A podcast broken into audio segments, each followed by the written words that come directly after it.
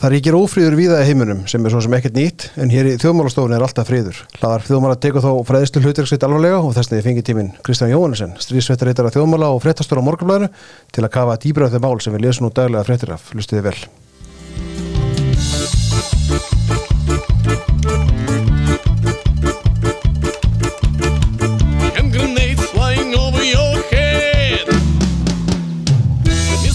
Kristján, þú þekkir þetta lag? Þetta er gott lag. Ha, þetta er lag sem við spilum loksinu. Þú er komið undan loksin tíminn áður. Já, þetta er óskalagi mitt í hverjum þetti. Já.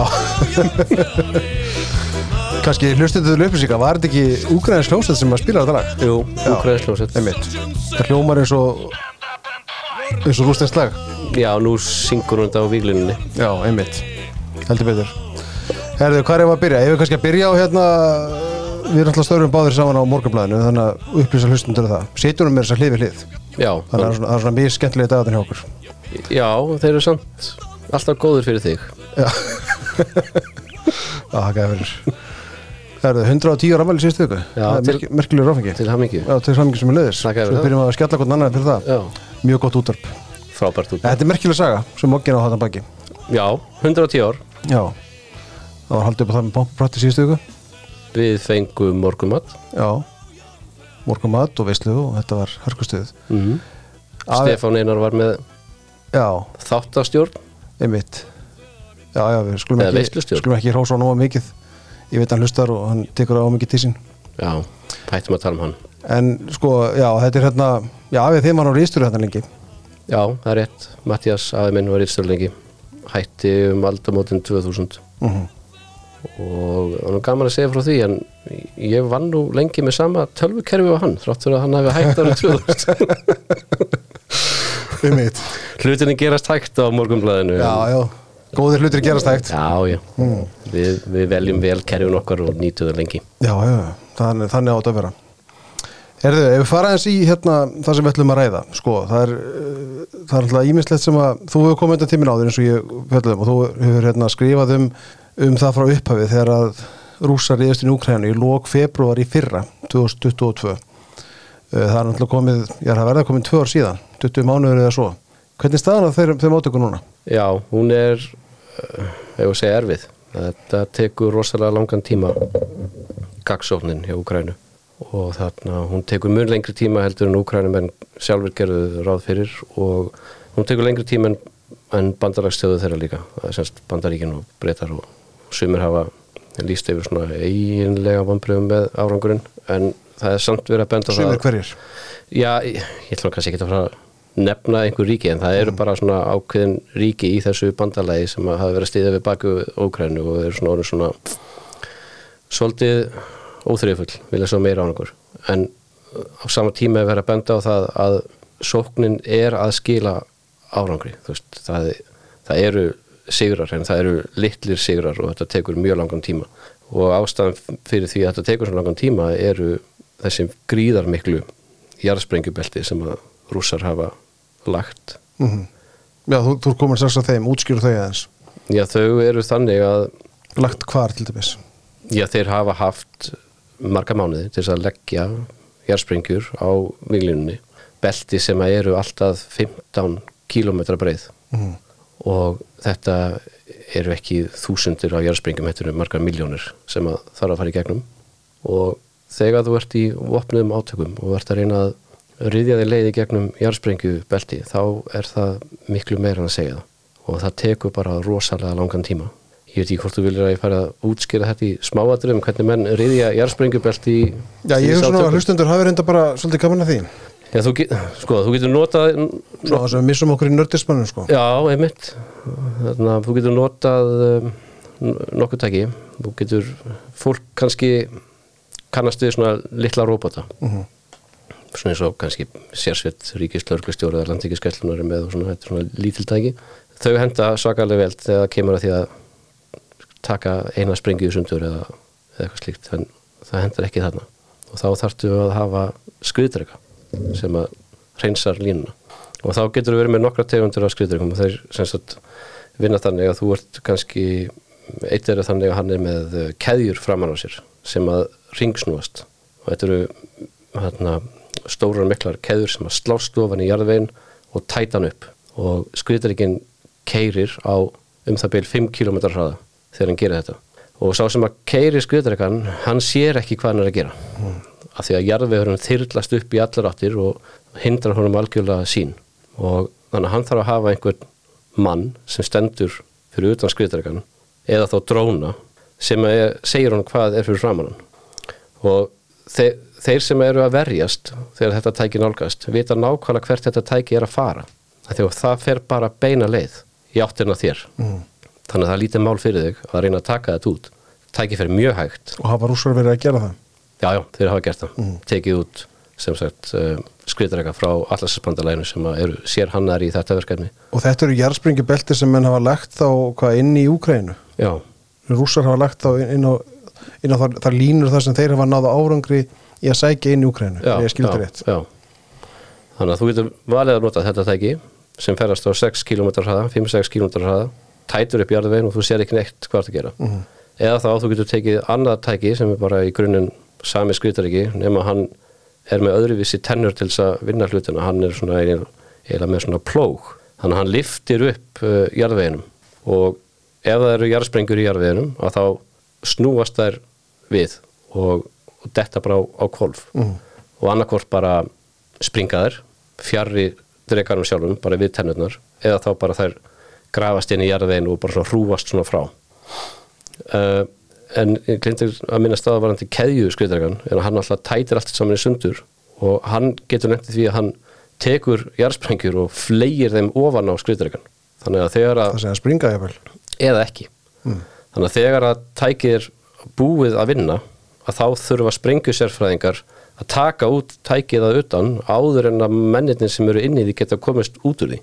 Ég veit þannig að veist, þessi aðgerir eru alveg áðbóðslega flóknar. Er þetta nútíma hernaður? þetta er nútíma hernaður síðan ertu með uh, aðra tegund af uh, skriðdrega sem er ekki með keðjurnar sem að ringsnúast og ekki með skíðin sem að velta við jarðsprengjunum heldur er með víra sem eru tengdir við sprengihleðslur og skriðdregin skýtur frá sér yfir ákveði landsveði og sprengir það í loft upp. Og þannig getur sá það tæki reynsað um það byl 100 metra af jarðsprengjusvæði. En öll þessi tæki hafa samt þann ókost að það er fyrir sig hvað þau eru að gera það er fyrir sig hvert þau eru að stefna og þau reynsa bara eina ákveðna braut. Þannig að allir skriðdrekar og allur mannafli sem á að fylgja á eftir þarf að fara nákvæmlega sömu leiðina og reynsu hefur verið. Spyr sá sem ekki veit, var ekki hægt að koma í veg fyrir það að menn næðu að leggja þessi jarðspringu belti Þetta er bara það sem að gerðist þegar að rússarnir hafðu tíma til þess að grafa sér niður í skotgrafir. Og það hægðist á öllu stríðinu í, í þarna, fyrirvötur og þarna, þetta var í raun og, verið fyrir séð. Þetta er bara aðferð sem að rússar grípa til og eru mjög góður í. En eru, hefur úkrænumönnum orðið eitthvað ágengt í, því- sko, þú talar um gagsókn og við höfum fjallað um gagsókn þeirra áður. Og, og gagsókn er átt að snúast í því að snýrist um rauninni að, að úkrænumönnum fengu vopn og tæki frá Európa þjóðum og bandaríkjum til að í rauninni gagsókn er átt að snúast og það að reykja rúsa tilbaka hefur það, hef, það átt sér stað? Mm, það, það á sér stað í litlum skrefum rússar eru að missa landsvæði en sko þetta, það er verið að berjast um uh, nánast hús í bæjum mm -hmm. það er verið að berjast um 100 metra eða 50 metra. Þannig að það er enginn að færast fram og tilbaka á stóru svæðum það er mjög lítið um það í gangi núna. En sko það sem er verið að býða eftir er það að ef að úkrænumenn ná að stinga í gegn uh, komast í gegnum jörgsprengisvæðin og opna leið uh, inn í suðurluta landsins að þá væri hægt að rjúfa landleðina sem liggur frá uh, Rostov í Rúslandi í, í austri og niður á Krímskagan og ef að þú gerir það að þá uh, fara byrðaflutninga rúsa í algjört uppnám. Og Krímskagi verður svo gott sem einangraður. Þá er eftir Kertsbrún sem er, er mjög auðvelt skotmark þegar að Úkræni herri komin svona sunnarlega.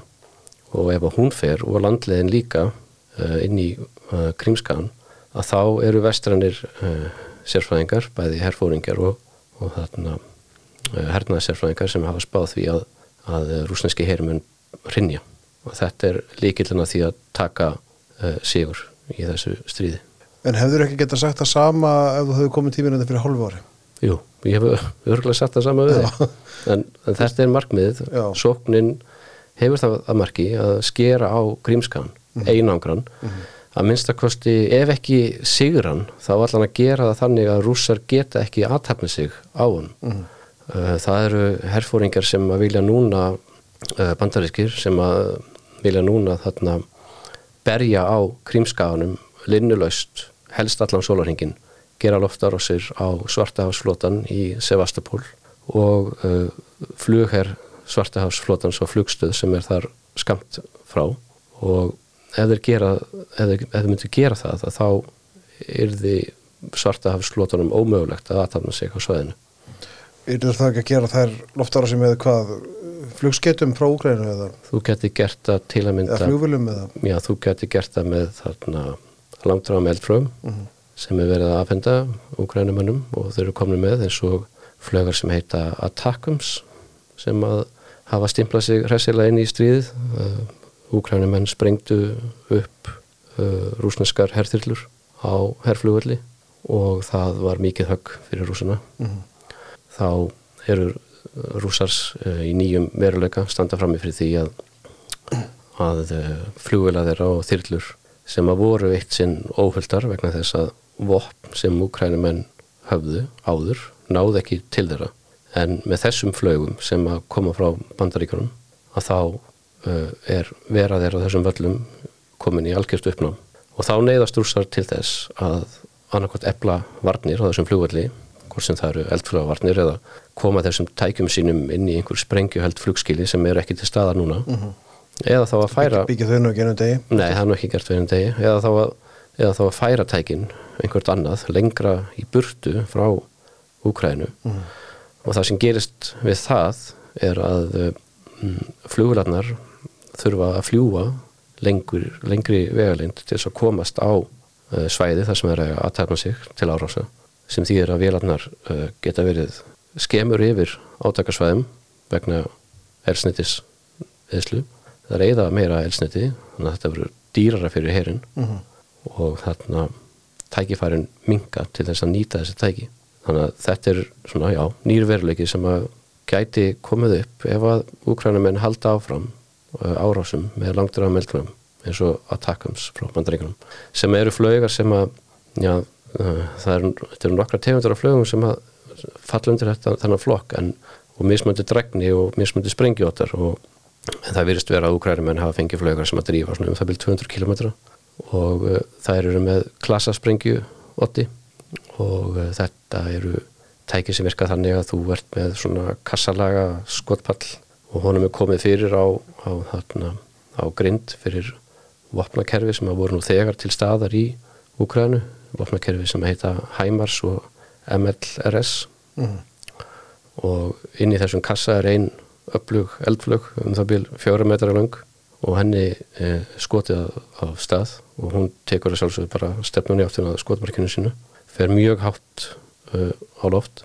Og þegar hún nálgast skotmarkið sitt og þá tekur hún dífu yfir uh, í áttina að því eigur stórlega hraðan og byrjar að ringsnúast flögin og þegar hún hefur náð ákveðnum snúningshraða þá opnast hún og út úr flöginni falla 300 klasa sprengjur sem dreifast yfir skotmarkið með skelvilegum afleðingum sem þar eru. Og þetta er eldflög sem að er afal árangusrík gegn óbrínvörðum skotmarkum og það eru þá þyrlur og flugvelar og það geta verið elsniti spyrastöður og vopnakemslur fólk, þetta er það sem að laggangulegar já, hafa rússar eitthvað sambarlegt rússar eru ekki með svona tæki eins og þetta, þetta er afskaplega flókin smíð. Þetta er þetta er mjög dýr. Þetta er mjög dýr eldflög og hún er, henni er GPS stýrt og svo er hún með innri stýringu. Og hún getur brugðist við ógnum á þá vegu að hún getur skyndilega breytt um flugstefnu og hæð sem gerir loftarnarsveitum um, erfera að skjóta hana niður. En hún er mjög hraðfleik og þegar hún nálgast skotmarkið þá er hún árangusrík og bandaríkjumenn hafa margsinnis notað þetta vopnakerfi og vopnuðum átökum. Einhvern veginn rættu við hér hvort að sko e- ef að Úkrænum fengu gefins eða fe- fengju vopn og tæki frá uh, Vesturlöndum hvort þeir kynnu að nota þau en þeir verðast alveg kunna að nota þessi tæki til dæmis. Já, þeir náttúrulega fá góða þjálfun en, en sko auðvitað, sko, auðvitað koma upp að sko, það er, er stríði í gangi og menn missa tæki.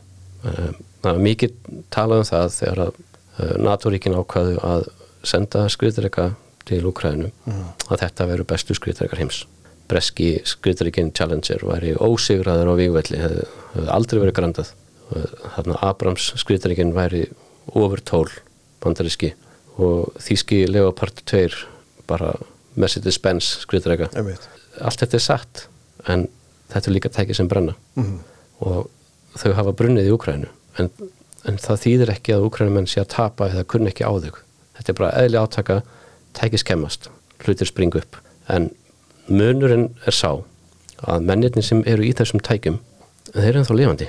Tækin eru ónýtt, mennirni eru ennþá lifandi og eru komnir í önnur tæki. Mhm.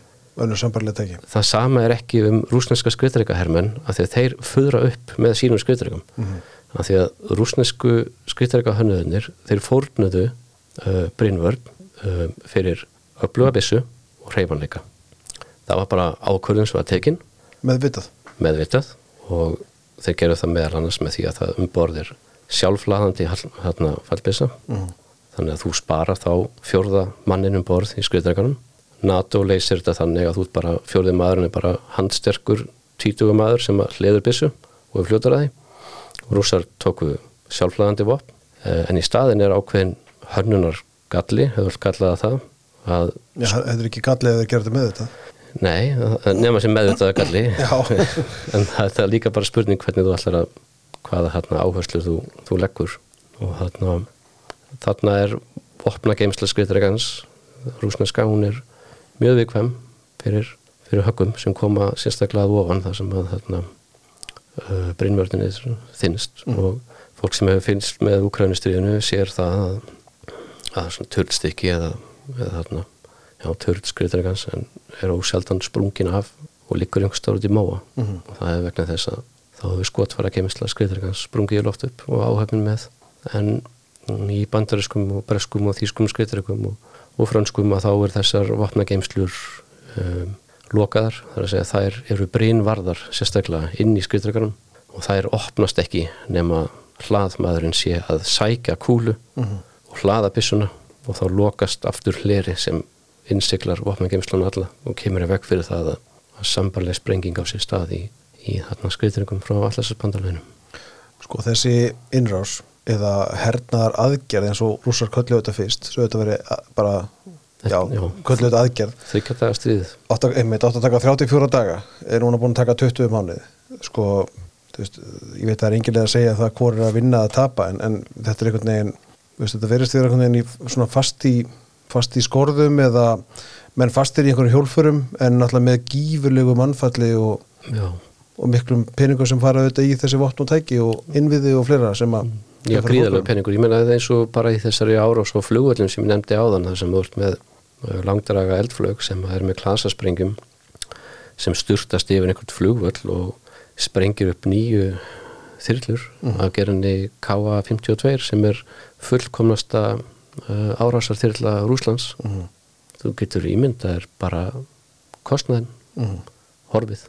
fyrir auðvitað þetta bara flugbrutir og flugskílu og annað sem að kosta auðvitað líka peninga og þú endurbyggir ekki á einum degi heldur nei. en mannfall, hvernig horfið það við okkur? Það, það er rosalega erfitt að greina það. Hverju?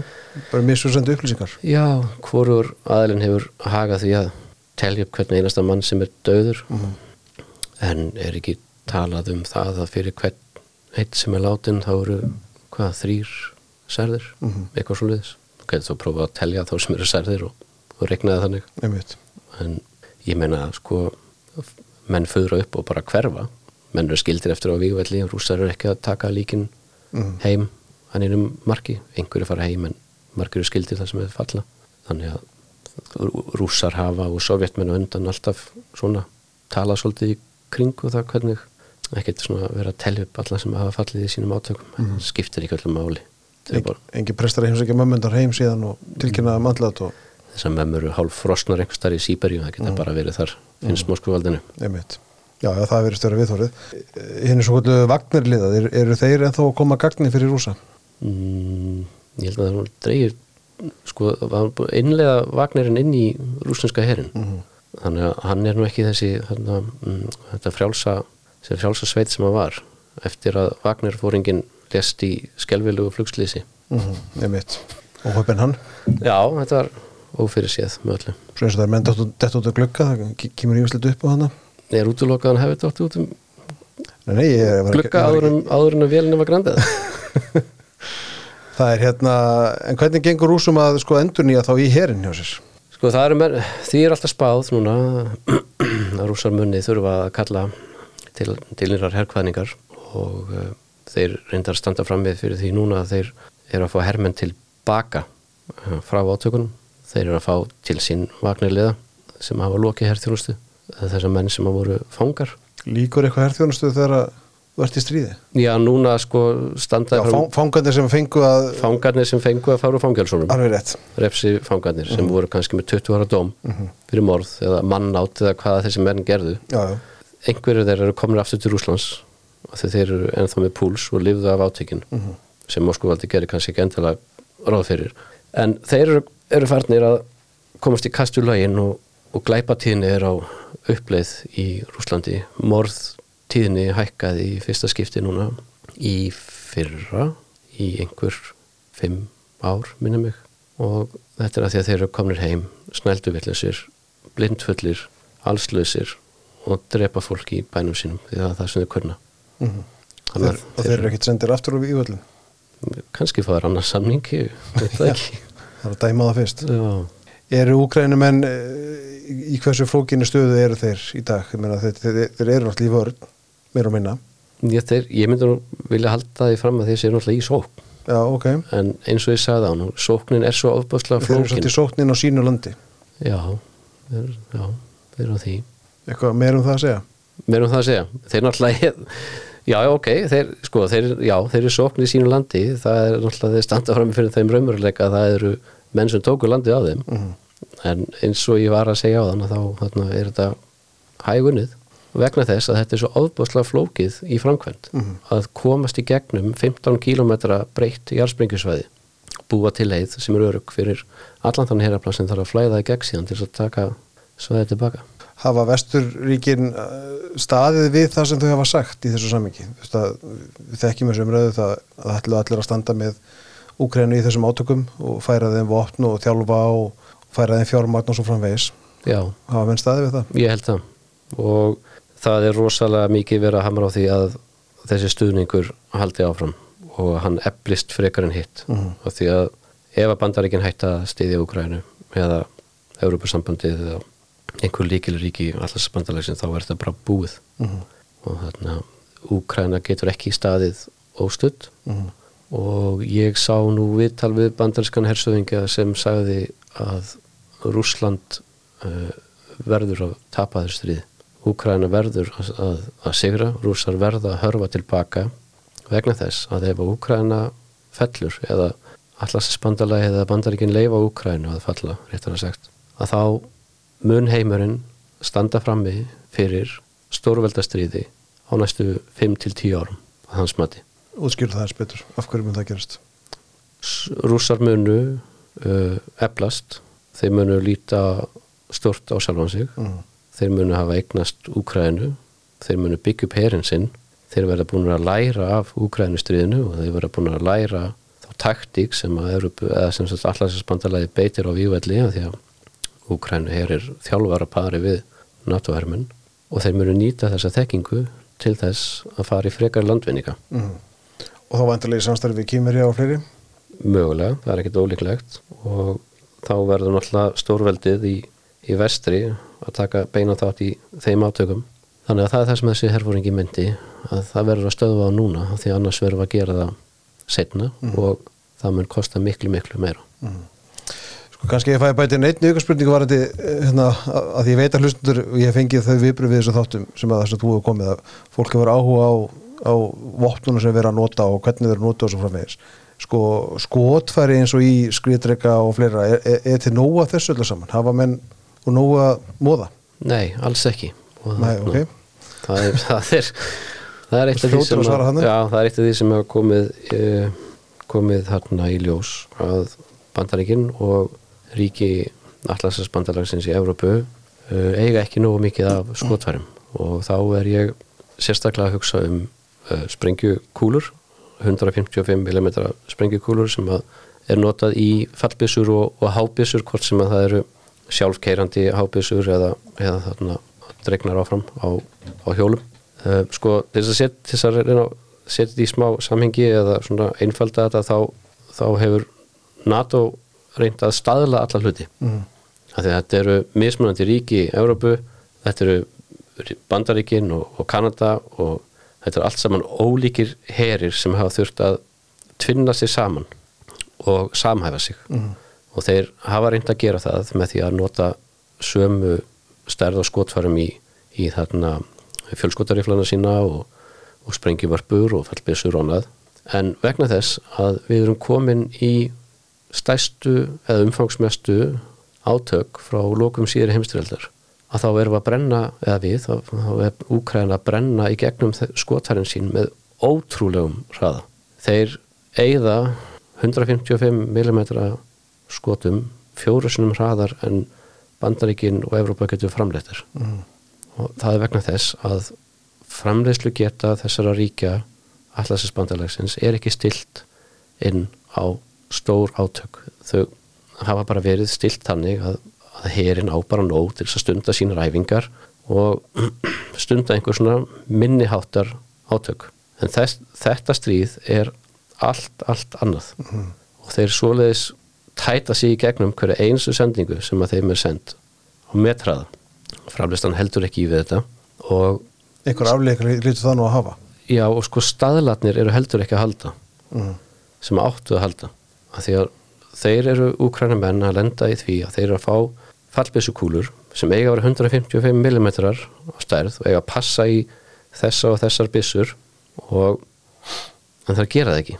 Það er að segja framleiðsla sem er í bandaríkjunum hún, hún er ekki eins og í Evrópu. Það eru 16 framleiðendur í Evrópu mismöndir ríkjum Evrópu sem framleiða þessar kúlur og þeir eru ekki að gera það eins.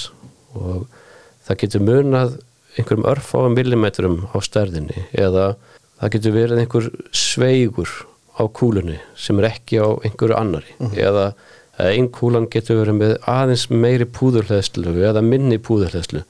Og það sem gerist þá er það að hún lendir ekki á þeim stað þar sem hún átt að lenda kúlan vegna þess að útreikningarnir passa ekki.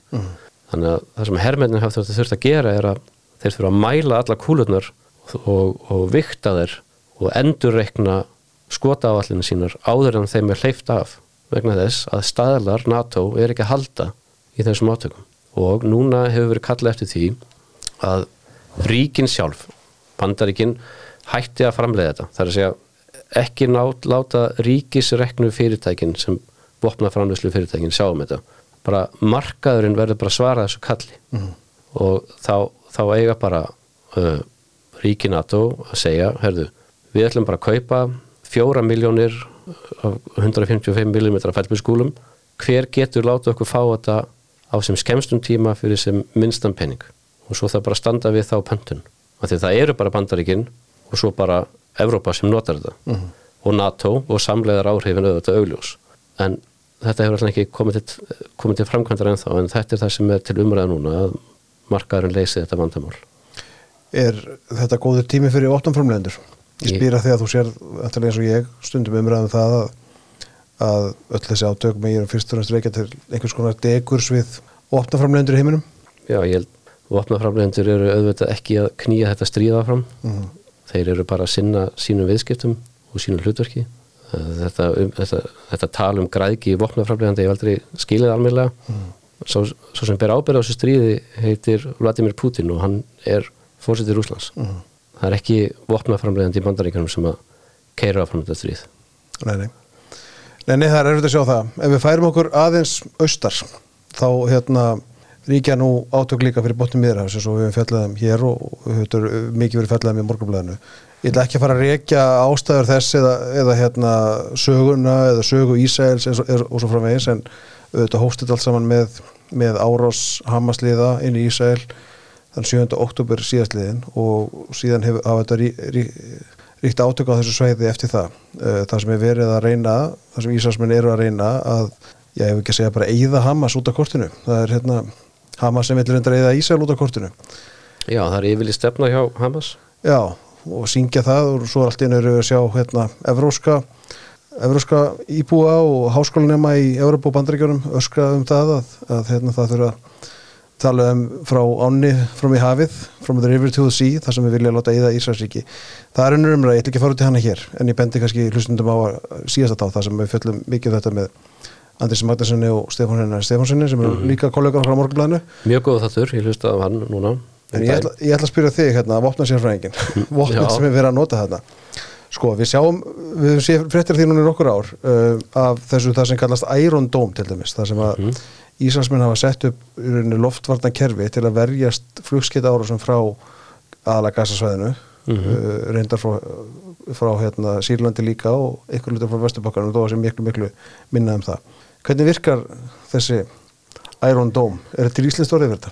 Er hann tóm? Járn, kolvið Já, eitthvað sliðis. uh, Sko öll, það, er ekkert loftvarnakerfi sem svarar þarna öllum ógnum Mhm. bara fyrir það fyrsta Þetta kerfi er mjög gott. Er þetta besta loftvarnakerfi í heimi? Öruglega ekki. Er þetta besta loftvarnakerfi í heimi til þess að uh, sinna því verkefni sem það sinnir? Sennilega. Það er sérstaklega hannað til þess að granda uh, sprengjum, eldflögum og drónum.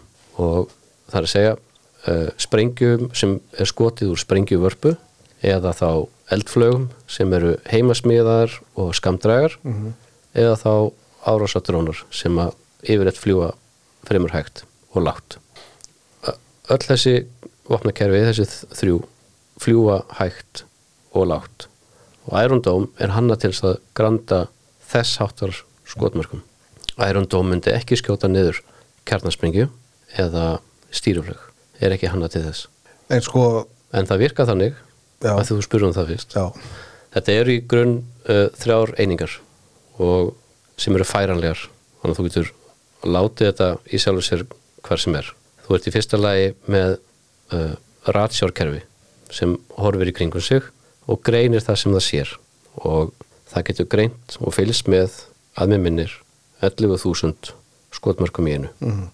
og þetta kerfi, ratarinn, talar við vopnastjórnun sem síðan talar við eldflög, eldflögakerfi sjálft. Og þú velur staðsetninguna á þessu kerfiðinu, hvað er að hafa það? Sennilega myndur þú hafa þetta nálagt íbúabið að þú ert að verja einhvern bæ eða borg. og kerfi veit hvað það er að verja. Það er búið að segja kerfinu að þetta svæði hérna, afmarkað svæði þú átt það. Þegar að eldflög eða sprengju er skoti í áttina þessu svæði að þá greinir ratarinn það.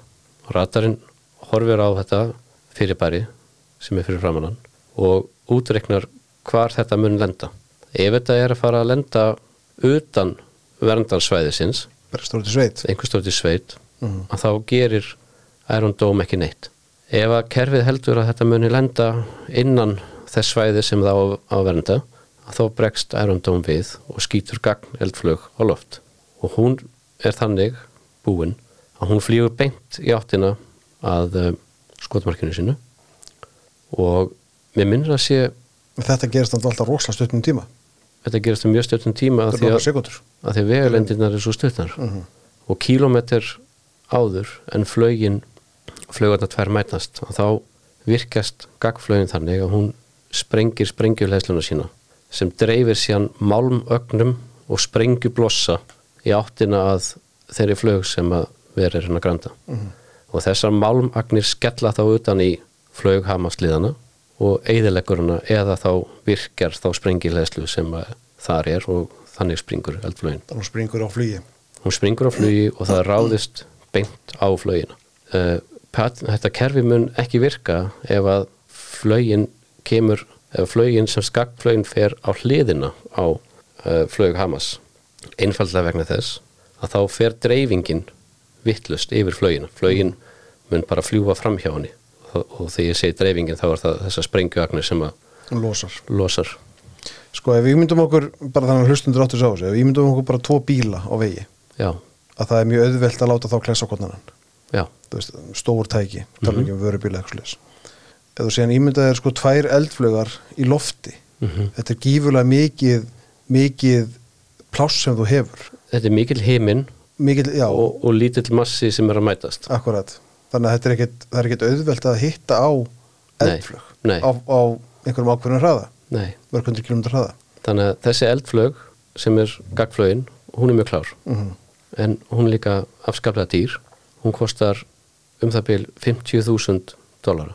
Og það er verið að skjóta 50.000 dollara gagflög á eldflög sem kostar kannski 80 dollara. Er heimasmíðuð búin til úr ódýrum stálpípum, vasslögnum einhverju drasli sem að þeir finna og geta fyllt af springiefni og skotið á stað. Já, þeir meðal hans rifur nú upp vassleiðslur sem lágu um gasasvæði sem nú hluta því að hverju gasa íbúar hafa ekki vatn í dag, mitt byggu til rörsprengjur á þeim, þannig að, eða rör til að skjóta sprengjum með heldur. þannig að sko, að því að vera útskýra flögin reiknar út Mm. hvert þessi árásarflög mun lenda, hvar hún mun lenda vegna þess að hún er svo ofbæðslega dýr. Að þeir eru ekki að, að granda einhverjum flögum sem að hitta ekkert nema sand út af þessum mikla kostnaði Já. en virkni þessara kerfis er ofbæðslega gott 90% En af hverju getur það ekki skotið niður þá stærri eldflögar? þær fljúa of hátt Mm. fyrir þetta kerfi svona í grunn það fljúa bara of hátt, of hratt þetta er bara, þannig að sko uh, menn hafa verið að segja er þetta kerfi alveg svo bandarinska Patriots kerfið? Nei, þetta er ekki alveg eins og þetta er bara mjög ólíkt en þetta er sami framleiðandi að hluta það er að segja að Raython sem er í bandaríkjunum Mm. hjálpaði Ísraelsmönnum að búa til ærundum þetta er sem sagt uh, verkefni þessara tvekja ríkja með þetta vandamál í huga að því að Patriot-kerfið hefði ekki hendað fyrir Ísraelsmenn við þessar aðstæður. Það kerfi er hanna til þess að skjóta niður stýruflögar, það getur skotið niður flugvölar, það getur skotið niður minni kjarnaflögar. Já, Ísraelsmenn hafa heldur betur þurft að nota þetta, það er búið að varpa mörg þúsund eldflugum á Ísrael síðust, á síðust árum Já, frá gasaströndinni. og þegar að hriðverki mikla var framið að þá er talað um það að 3000 til 5000 eldflugum hafi verið skotið Mm.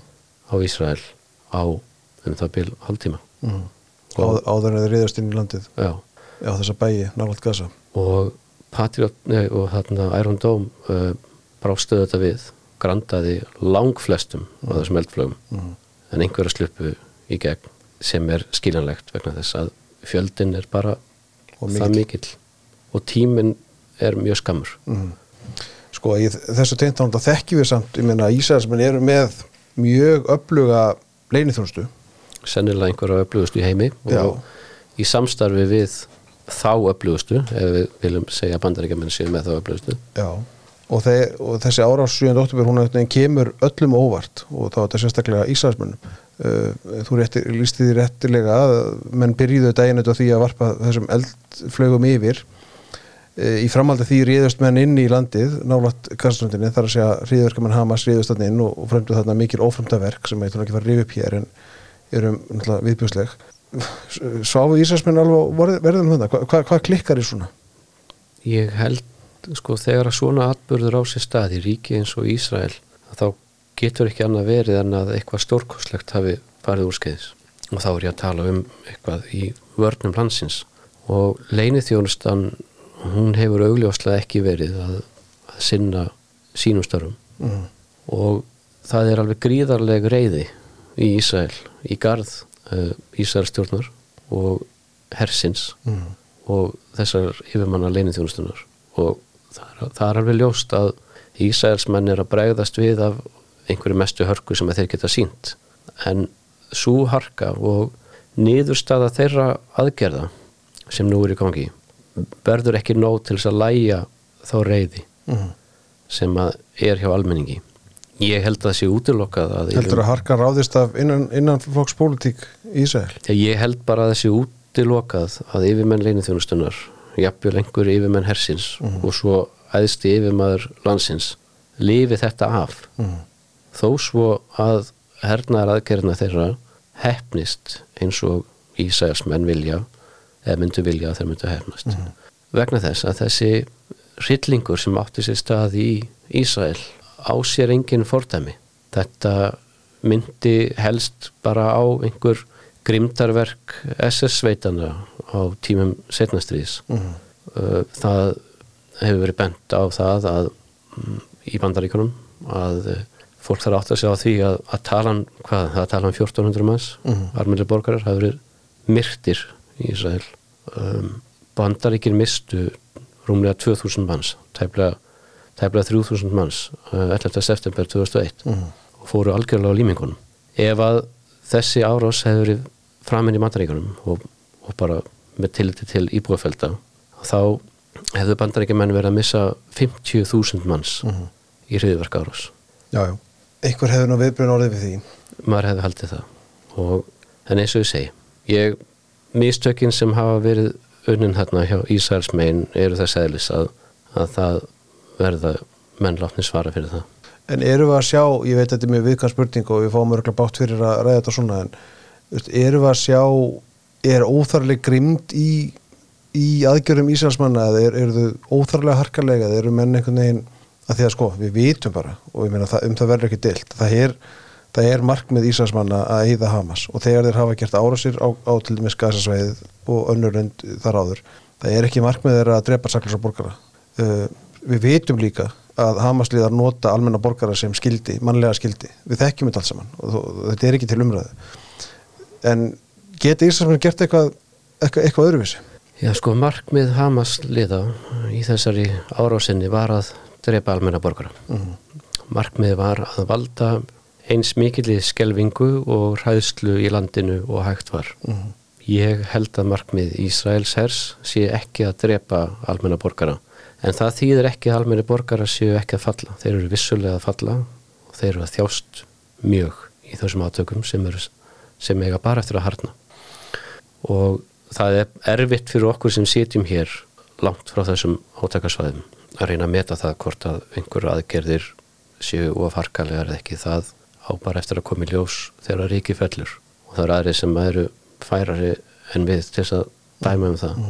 En þetta er, þetta er hryllilega átök sem er þessi stað á þessu svæði núna. Ég held að það sé alveg ljóst. Eru skipt, já, ég hafði nú sambandið nokkra hérna, eða við fékk nokkra, senda nokkra spurningar hérna fyrir þáttinn, fólk vissu var að koma.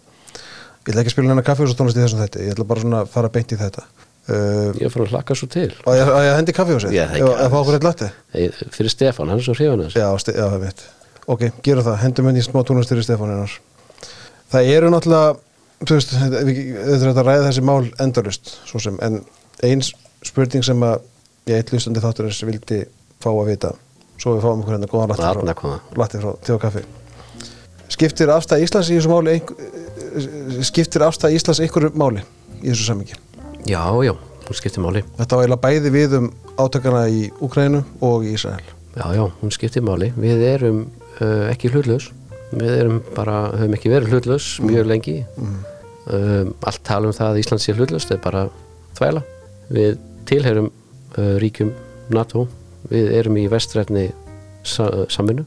Uh, það þýðir bara að við stöndum með ákveðnum hópi þjóða gegn öðrum þjóðum.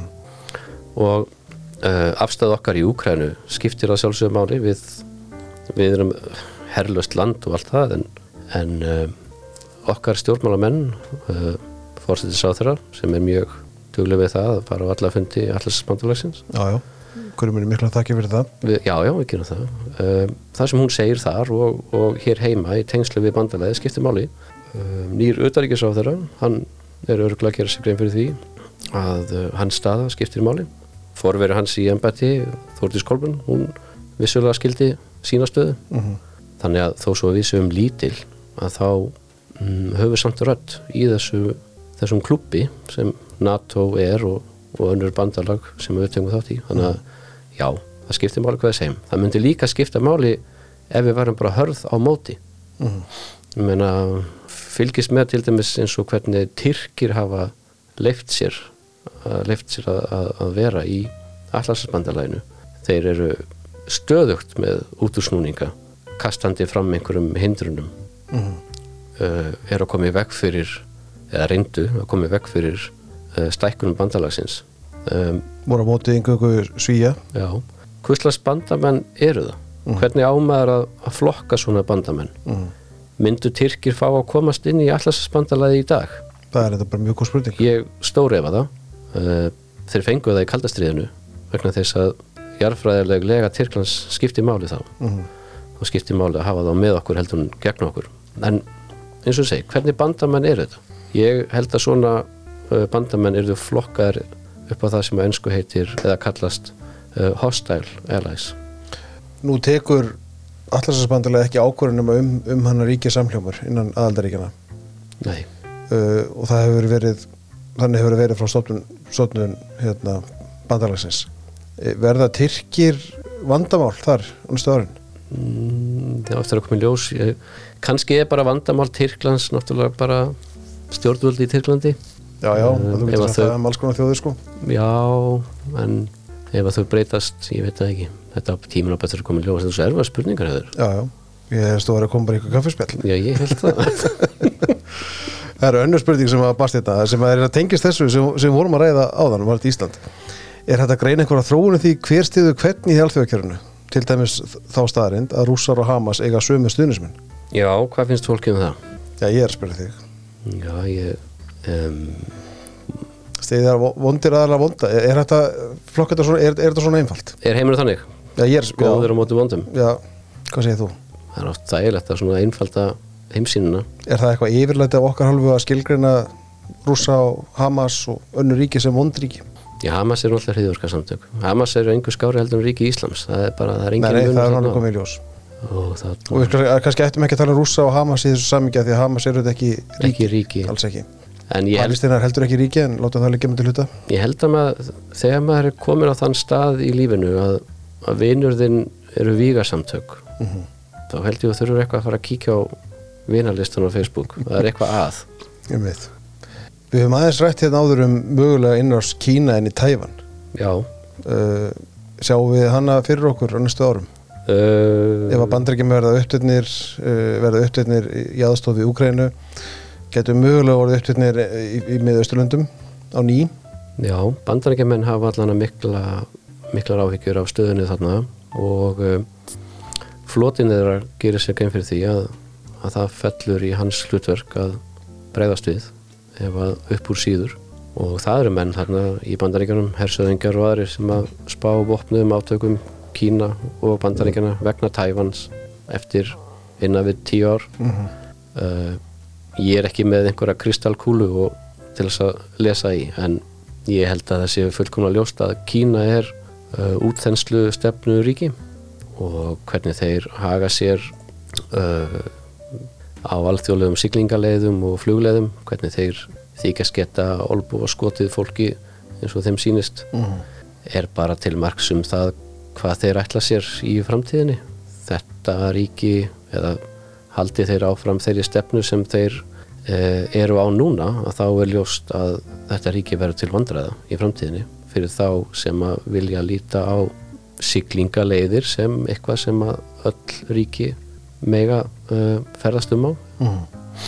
uh, kynverar já, stuttamálið er það. Ég held að, að þetta verði vandamál en það er bara spurning hversu fljótt eða snemma það gerist þá eftir að koma í ljós en kynverar ef þeir sjá sér leika borði að því að bandaríkjumenn vera fastir einhver staðar í einhverjum átökum eða er að fylgjast með einhverju svæði ef þeir líta svo á að nú sé tíminn komin til þess að standa upp að þá gera þeir það.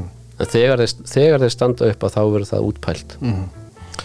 Ég verði þá að spyrja þetta eitt annað sem að ein, spurning sem bastið þinn Nú ert þú fjörmjölumæður og við höfum rætt þetta aðeins áður en ég ætla að koma að sinna þetta aftur. Við þekkjum upp, upplýsinga óröðuna úr átökunum í Ukrænu og það hvernig það er mjög erfitt að átta sig á því þegar maður er, og ég veit að, veit að þú er upplifað þetta þegar maður er að skrifa um þessi mál hvað er rétt og hvað er ránt, hvað, hvað upplýsingar eru réttar og svo framvegis. Við sjáum þetta hluta til líka varandi átökin í Ísrael og, og Gassasæðinu til dæmis mjög gott dæmi er auðvitað bara sprengingin á þessu spítala í þar síðustu viku. Já, já, þar sem að flestir vestræni fjörmjörn held í fjallu þá bara í gildru að, að hérna, ætta það að Ísraelsmenn hefði sprengt þetta upp spítala sko upplýsinga óreðan í öllu þessu, öllu þessu. Hvernig bara ferðu að því sem bara vandaður blaðamæður að vi- vita það á þessum réttar upplýsingar höndum? Sko gallin við gallin við þarna átökin þarna hjá eh, átök Ísraelsmanna við Hamas er, er það að, að einu tölurna sem koma frá þessum átökum koma frá því sem að er kallað heilbreyðisráðunetti Hamas sem, heilbríðsráðandi Gaza er það kallað en er alltaf heilbríðsráðandi Hamas. Já, já, einmitt. Heilbreyðisráðunetti ríkis Íslams. Sko, þetta er bara einhver kall í hriðverka hópi sem er að koma með einhverjar tölur sem að honum þóknast og það er algjörlega útilokað að aðtöku hvort þessar tölur standist. Þannig að það er ekkert hægt að fara inn á þetta svæði til þess að rannsaka þetta með einhvern hlutlausum hætti. Þannig að bara ég veit til dæmis að félagi minn á morgunblæðinu hann Stefán Gunnar sem er mjög yfir með það að skrifa verðandi fréttir hann er hættur að Eitt af okkar besta mönnum með því já, hann er, hæ, já, einmitt, hann er hættur að uh, tilgreina tölur mjög nákvæmlega Mhm. vegna þess að þær eru bara að öllum líkendum ekki í lagi Mhm. og hvað gerir það þegar að fjölmiðlar eru að vitna í tölur sem eru ekki í lagi vitandi það að þær eru ekki í lagi Mhm. Þá er fjölmiðlin að hvað? Standa fyrir upplýsinga óreðu og veita mér þess að sjálfur? Já, já. Þetta er mjög snúin staða. Þessna höfum við fjölmjörnalem til að passa þetta. Leið okkur í gegnum daginn. Já, já, hún stendur sér mjög vel í því. Við mitt Ég Nei, henni. það er margt í þessu sem að hérna, auðvitað, við getum ekki alltaf átt á okkur á og ég áttum að því að þetta er auðvitað mjög snúið á köplum sérstaklega svona hluti varandi upplýsinga óruð og svo framvegis. En við gerum okkar besta til að halda áfram að upplýsa þjóðina og greina frá því sem er að gerast Jájá, þú stenduði vel því Já, þú líka, þetta er bara það er mjög áhægt að fylgjast með skrifum til mjög morgunblassis í þessu öllu saman hjá þér og Stefán Gunnari fyrir nefndum og flerum. Við höldum þessu áfram Endilega. Kristján, takk fyrir komuna. Takk fyrir. Eða enda á lægin okkar. Já, endilega. Sem við vorum að spila hér áðan. Óskalægir. Herði, þakka til næst. Takk að þér.